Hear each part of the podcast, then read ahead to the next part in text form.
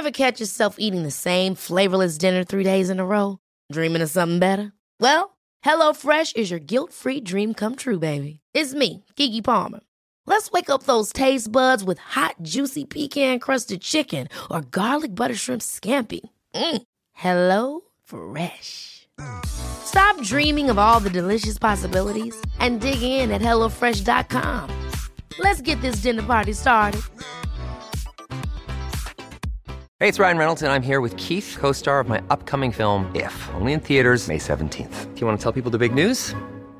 All right, I'll do it. Sign up now and you'll get unlimited for $15 a month and six months of Paramount Plus Essential Plan on us. Mintmobile.com slash switch. Upfront payment of $45 equivalent to $15 per month. Unlimited over 40 gigabytes per month. Face lower speeds. Videos at 480p. Active Mint customers by 531.24 get six months of Paramount Plus Essential Plan. Auto renews after six months. Offer ends May 31st, 2024. Separate Paramount Plus registration required. Terms and conditions apply if rated PG. Hiring for your small business? If you're not looking for professionals on LinkedIn, you're looking in the wrong place. That's like looking for your car keys in a fish tank.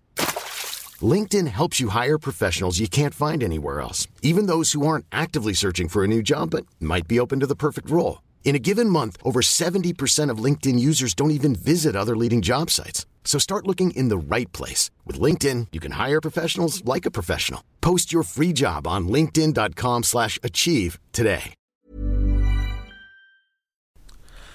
Gjør menighetene det lettere eller vanskeligere å leve som kristne? Velkommen til denne ukens episode av Tore og Tarjei, en podkast fra dagen.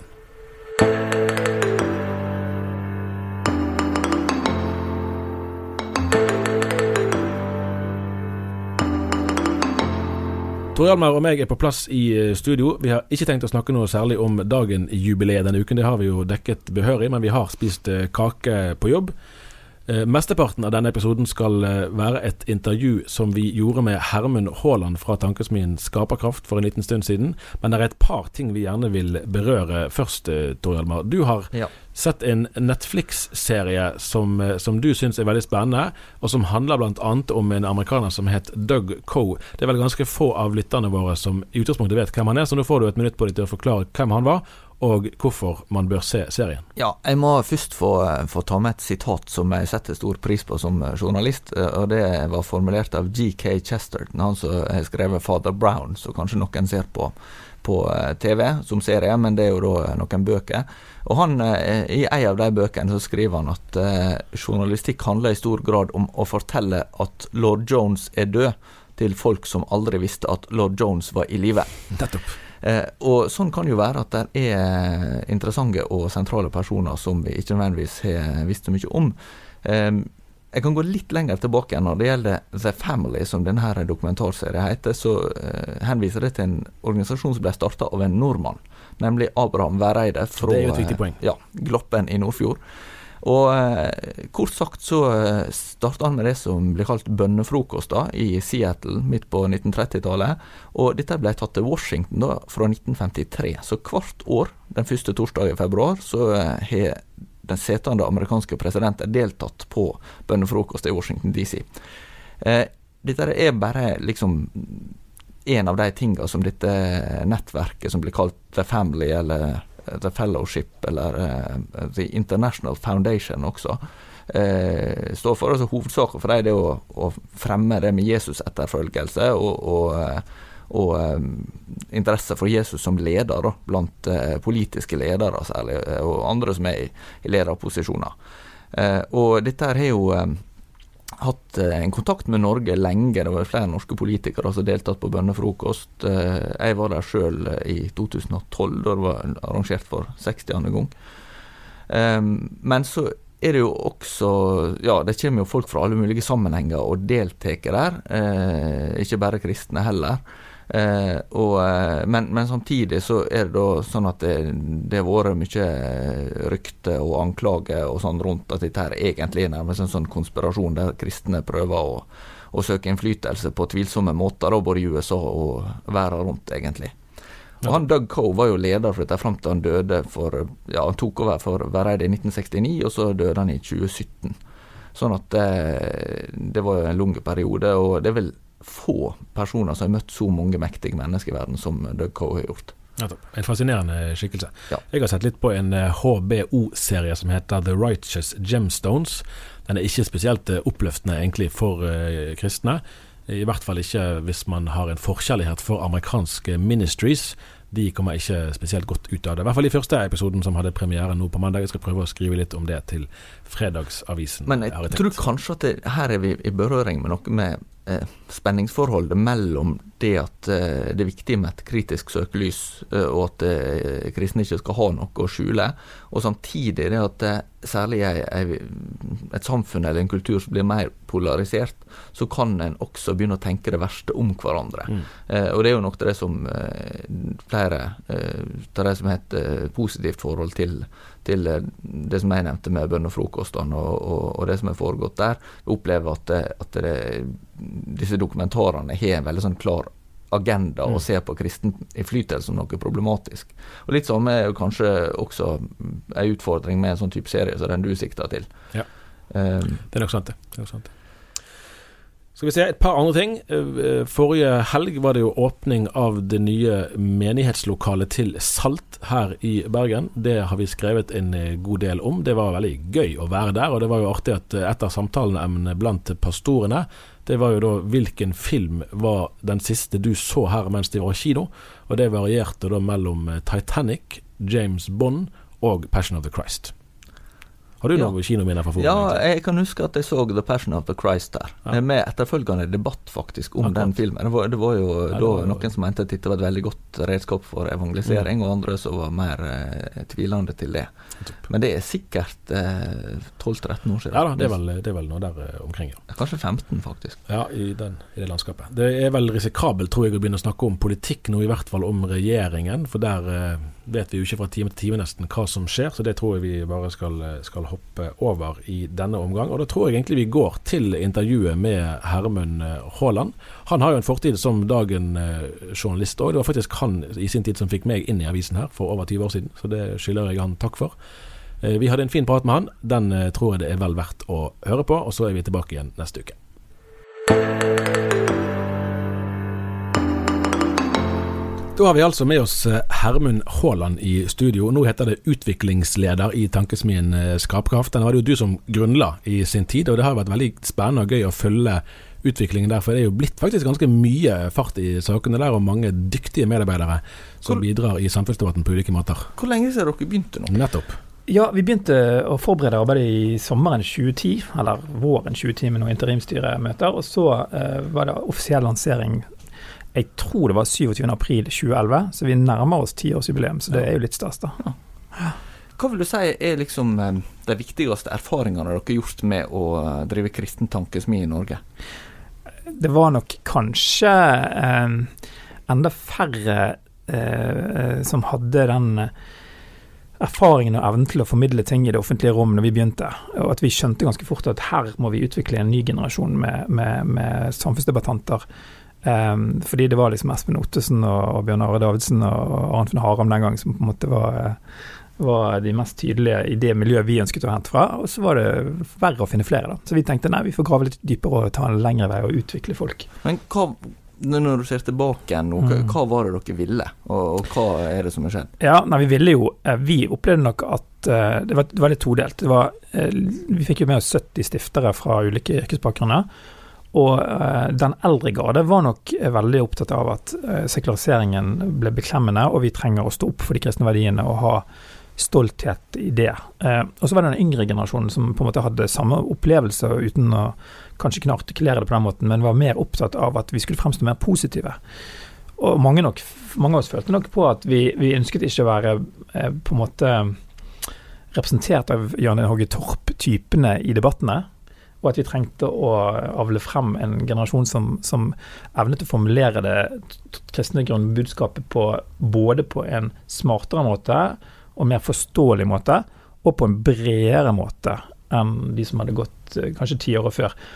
Og så må jeg legge til, det var jo direkte spark i baken fra vår eh, venn Frank Rossavik den gang i, Ja, i, i Bergens Tidende, som skrev at etter at de konservative kristne eh, tapte kampen mot ekteskapsloven, så gikk de, eh, stakk de hodet i sanden som en struts, og vi trenger dere i den offentlige debatten, kom dere ut igjen.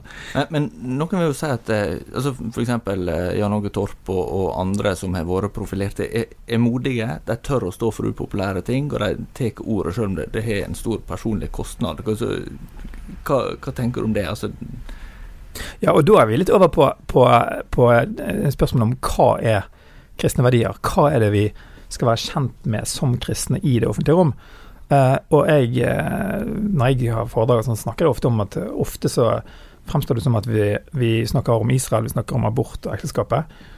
men spørsmålet blir da hvilket bilde av Gud er det vi viser ut i det offentlige rom? Er Gud kun opptatt av Israel, abort og ekteskapet? Og da sier jeg ikke at ikke de sakene er viktige, men jeg tror da at hvis vi ser i Bibelen, så ser vi at det er en skapergud som har skapt hele tilværelsen. Og hvis det skal være et bilde av han vi gir gjennom den, det engasjementet vi har i det offentlige, så må vi faktisk utvide hva kristne snakker om i det offentlige, sånn at Gud blir mer relevant for større deler av livet og for flere mennesker. Herman, du har jo vært på trykk mange ganger i, i dagen, og da mer enn én en gang så, så, merker i hvert fall jeg når jeg leser en sånn uh, hjertebrann og kanskje hjertesorg over Du har jo masse menighetserfaring sjøl. Uh, eh, og Samtidig så ser du hvor mange av både dine egne jevnaldrende venner og mange andre som forsvinner ut uh, sant, gjennom årene. Hvis man ser tilbake på egen tenåringstid, kanskje ikke minst, og frem til, til i dag, drøyt 20 eh, år uh, seinere. Og så går vi tilbake nå til eh, februar i år. Sant? Da er vi på LED på pinsebevegelsen sin lederkonferanse.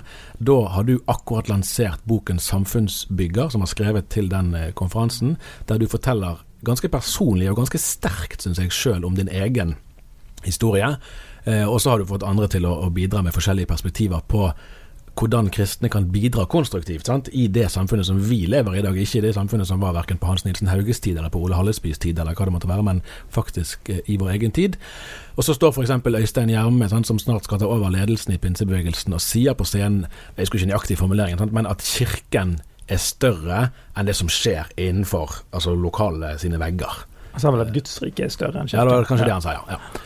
Eh, og det kunne jo virke som en selvsagthet, men vi vet jo litt om at i flere, både i pinsebevegelsen, ikke minst i den moderne pinsebevegelsen, men i flere andre miljøer òg, og langt inn i bedehusland, at, at, det har vært en tendens til å være veldig opptatt av nettopp altså menighetsaktiviteter av forskjellige slag, eh, og folk som engasjerte seg i politikk, eller i, som hadde som var mer nærings, altså, som var næringsdrivende på ulike måter og brukte mye kreftene sine på det, kunne oppleve at de ble litt sånn her eh, sett skjevt på i menighetssammenheng. Og Det fortalte du ganske, i boken ganske sterkt om.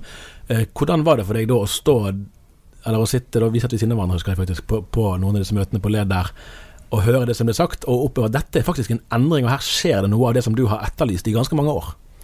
Ja, det var jo eh, sånn, nesten sånn krype seg i armen-opplevelse. Og egentlig ikke noe som jeg har drømt om å kunne eh, bidra til i den sammenhengen og liksom sette agendaen for, eh, for konferansen.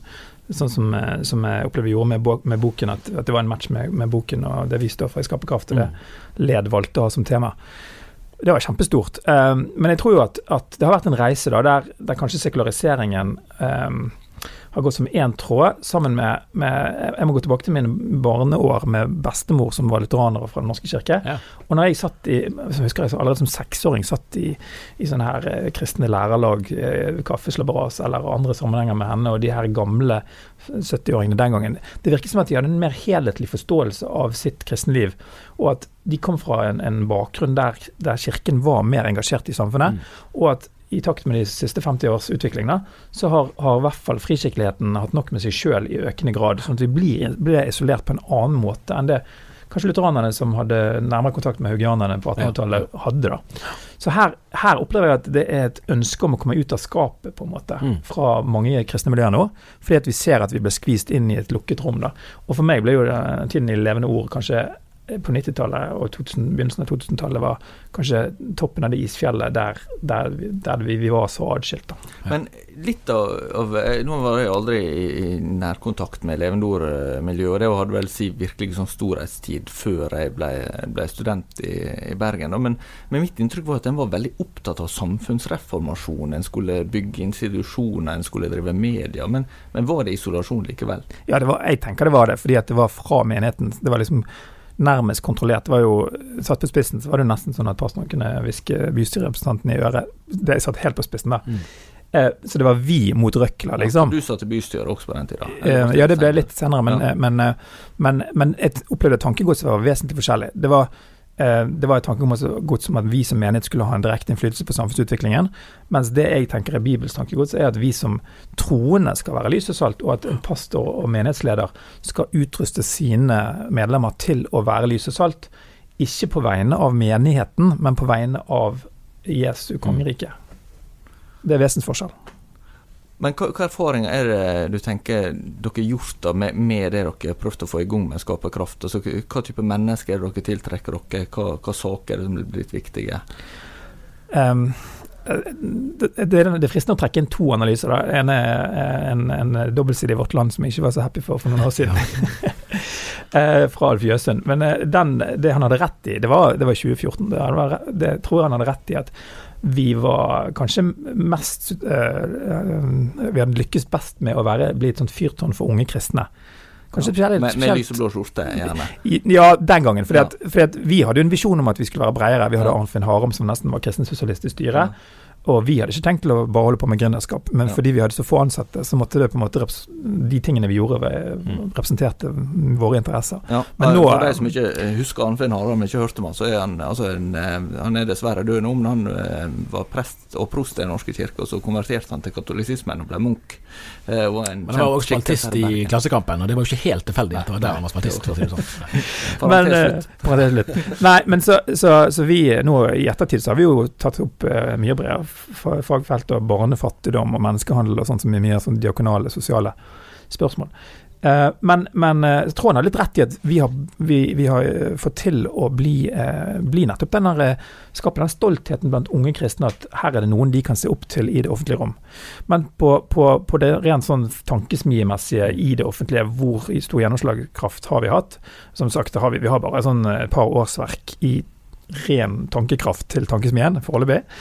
Eh, men likevel så hadde Klassekampen en analyse i fjor sommer, i august i fjor, der de analyserte tankesmiene Civita, Agenda, Minotenk og Skaperkraft. Og Der sa det, skrev de at Skaperkraft eh, har utrolig sterk gjennomslagskraft på, med bakgrunn i ressurssituasjonen. Mm. Så vi har hatt eh, i snitt én til to artikler på trykk i norske aviser hver eneste uke siden 2011. Um, og så har vi noen ganger fått sett agendaen, spesielt med en bok i 2013 som het 'Gud er tilbake'. Ja, stemmer.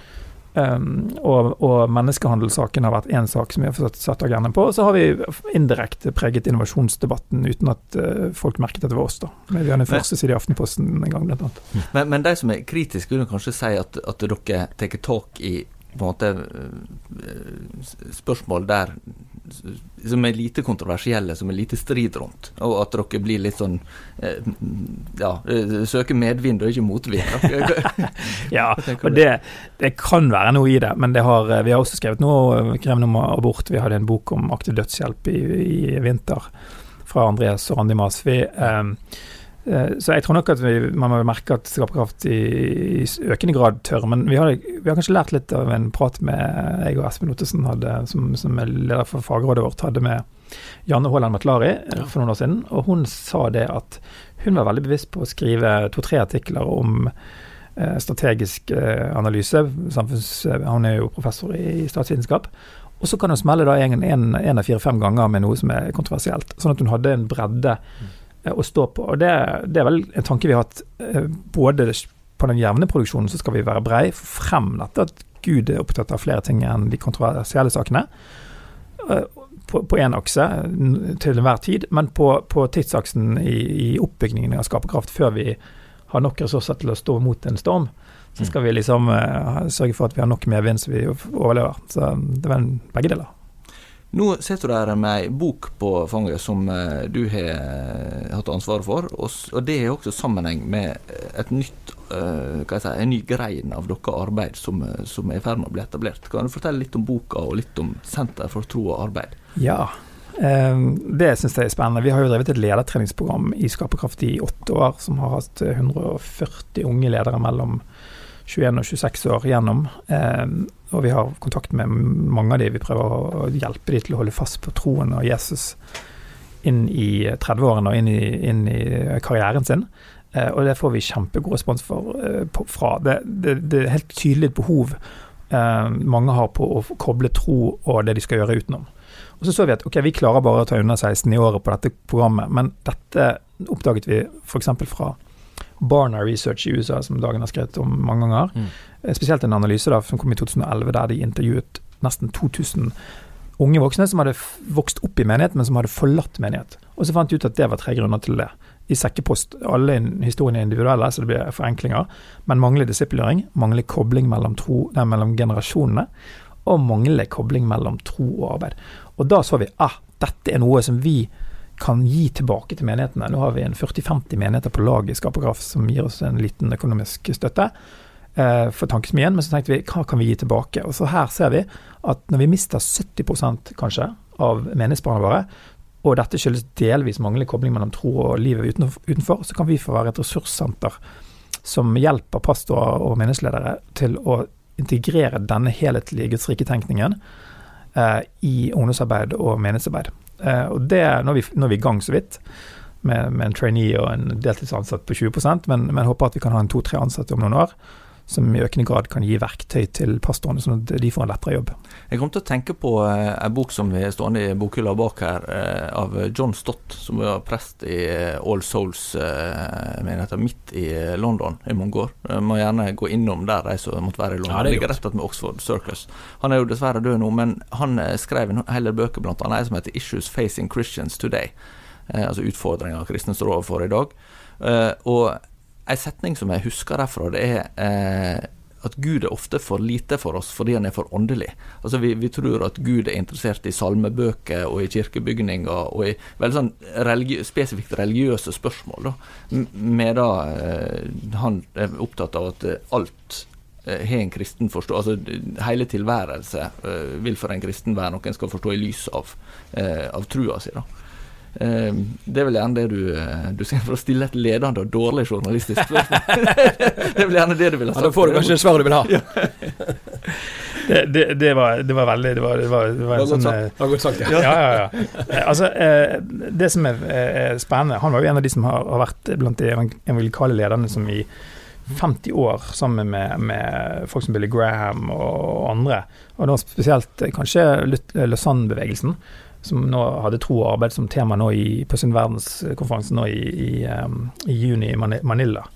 Uh, men men uh, en kar som heter Mark Green, jeg er nesten fristet til å lese et lite sitat fra han, Uh, som leder um, London Institute for Contemporary Christianity. Ja, jeg har intervjua han faktisk. Har du det? Ja. Ja. Spennende type, da. Ja. Han har jobbet med dette i en av de kanskje mest profilerte i Europa som har jobbet med dette i 20-30 år. Og han skriver jo at, eh, ganske sterkt at det er en feilaktig teologi som har ledet oss hit hvor en global kirke ikke på en dynamisk måte er overgitt til den helhetlige bibelske visjonen for disippelliv, slik vi ser den fra første Mosebok til åpenbaringen. Um, han mener kjente kristenledere tydelig har definert en større tenkning om arbeid de siste ti årene, som John Stott og Graham. Uh, utfordringen ligger i det følgende.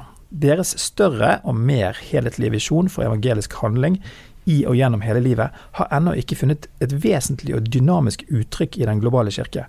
Kreftene som står opp mot et slikt seismisk skifte i tanke og handling, er formidable og har dype røtter i kirkesamfunns kulturer, bibelskoler, i hermenutikk og prekenlære, i teologisk fakultet og i kristne forlag, salme- og lovsangstradisjon og i våre modeller for disippelskap gjennom 200 år.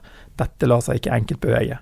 Så han tar jo et oppgjør egentlig med hele kulturen vår. Og Det er ganske mye sammenfall med det som John Stott eh, sa av dette her, da. Ja, det var jo John Stott som grunnla det eh, instituttet som eh, Green eh, leder. Det ligger kanskje ikke så det ligger ganske nær det var All Souls. konsistent, Det er bare 200 meter, eh, 300 meter kanskje. Men jeg mener, hvis vi tar det, det der avsnittet, hvis vi tror at det er riktig, da eh, trenger vi endringsledelse på høyt nivå. altså.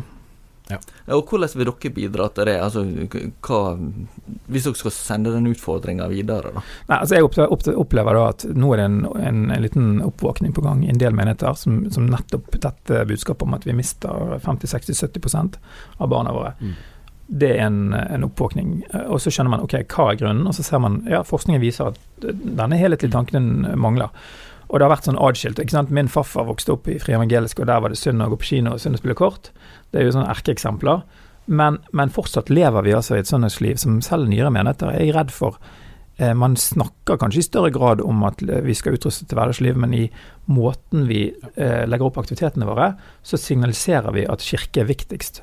Men jeg ville gjerne sett en enda større bevegelse i at Kirken hadde en selvforståelse som utruster. At kirken er ikke viktig, viktigst. Jesus er viktigst. Kirken er en familie og tilhørighet som vi står sammen om eh, å være. Men ellers er det et verktøy for å leve disippellivet i det hele livet vi har fått. da. Ikke et mål i seg sjøl i så stor grad. Men nå tråkker jeg jo på de termene som jeg ønsker. Det er jo utrolig interessant, for det, det er jo òg eh, dere var jo innom det i noen av sitatene at jeg tenker at Gud er mest opptatt av salmebøker. Sant? I dag kunne vi si lovsangstoner uh, og tekster.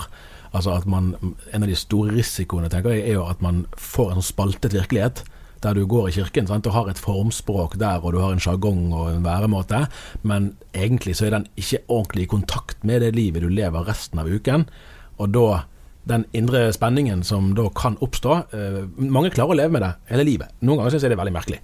Eh, når man ser liksom, hva man sier i kirken, og hva man hevder å stå for, og ser livet i virkeligheten. Jeg begriper det ikke.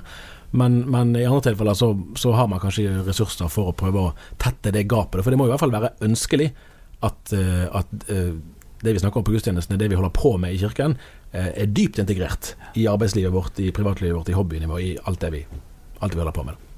Ja, og der er kanskje en veldig konkret, eller to konkrete utfordringer. Det ene er det ene for, for å liksom påpeke noen positive tyngstrekk. Nå har jo eh, vi oppdaget at sånn som Barna Research skriver, at mangler disippelgjøring det er en utfordring. Og så er det en, en, liten vekkelse på gang i for, forståelsen av at trosformidlingen i større grad må skje hjemme.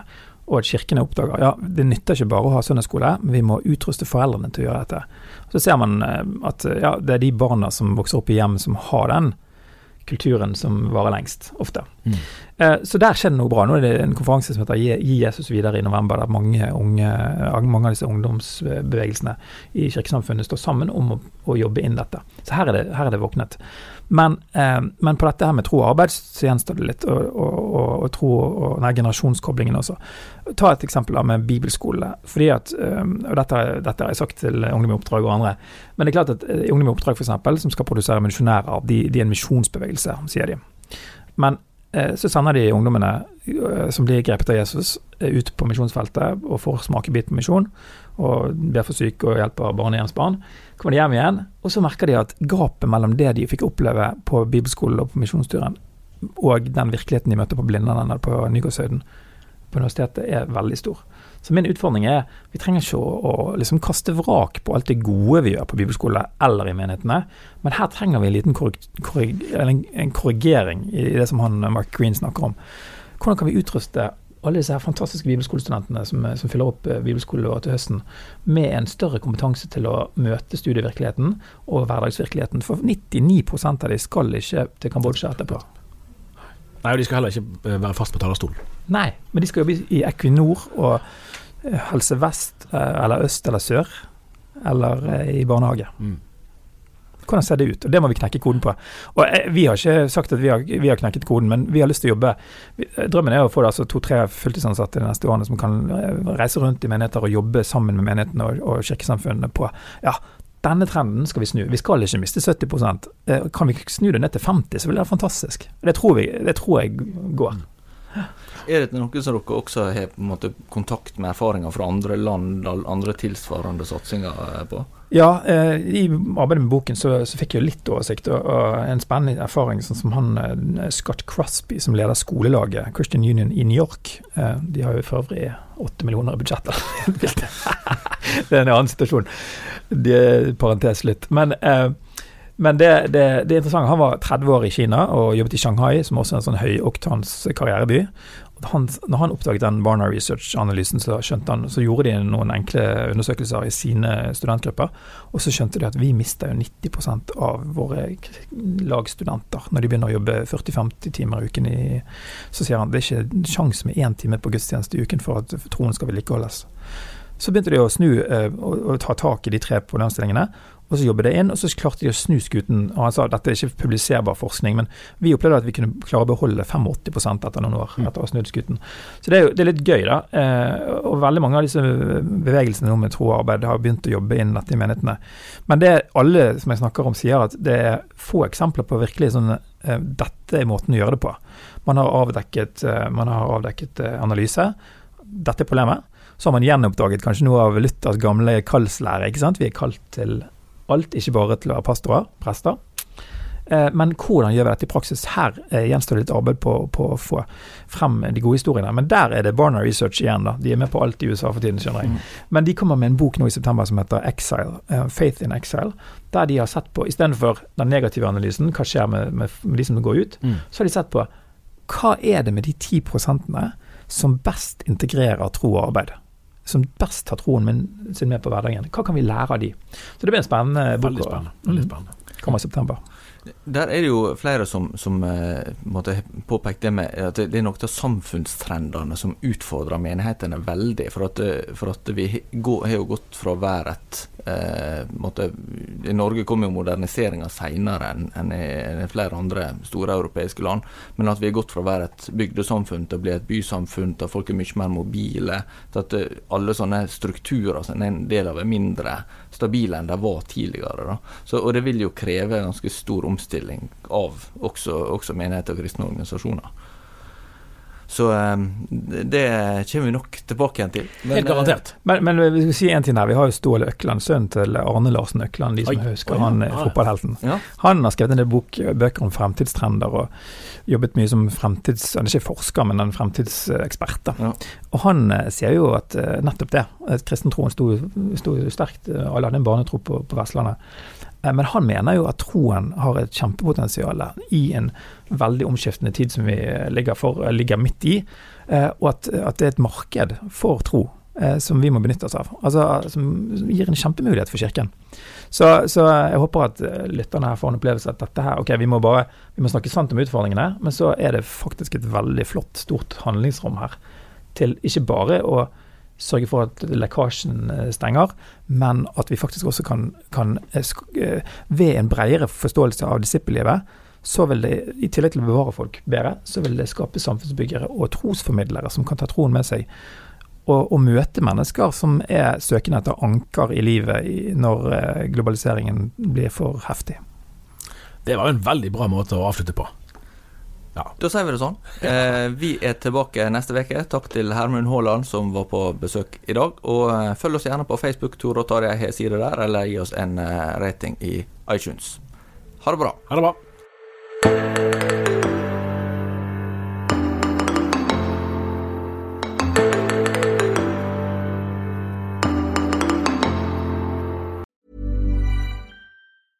Even on a budget, quality is non-negotiable. That's why Quince is the place to score high-end essentials at 50 to 80% less than similar brands. Get your hands on buttery soft cashmere sweaters from just 60 bucks, Italian leather jackets, and so much more.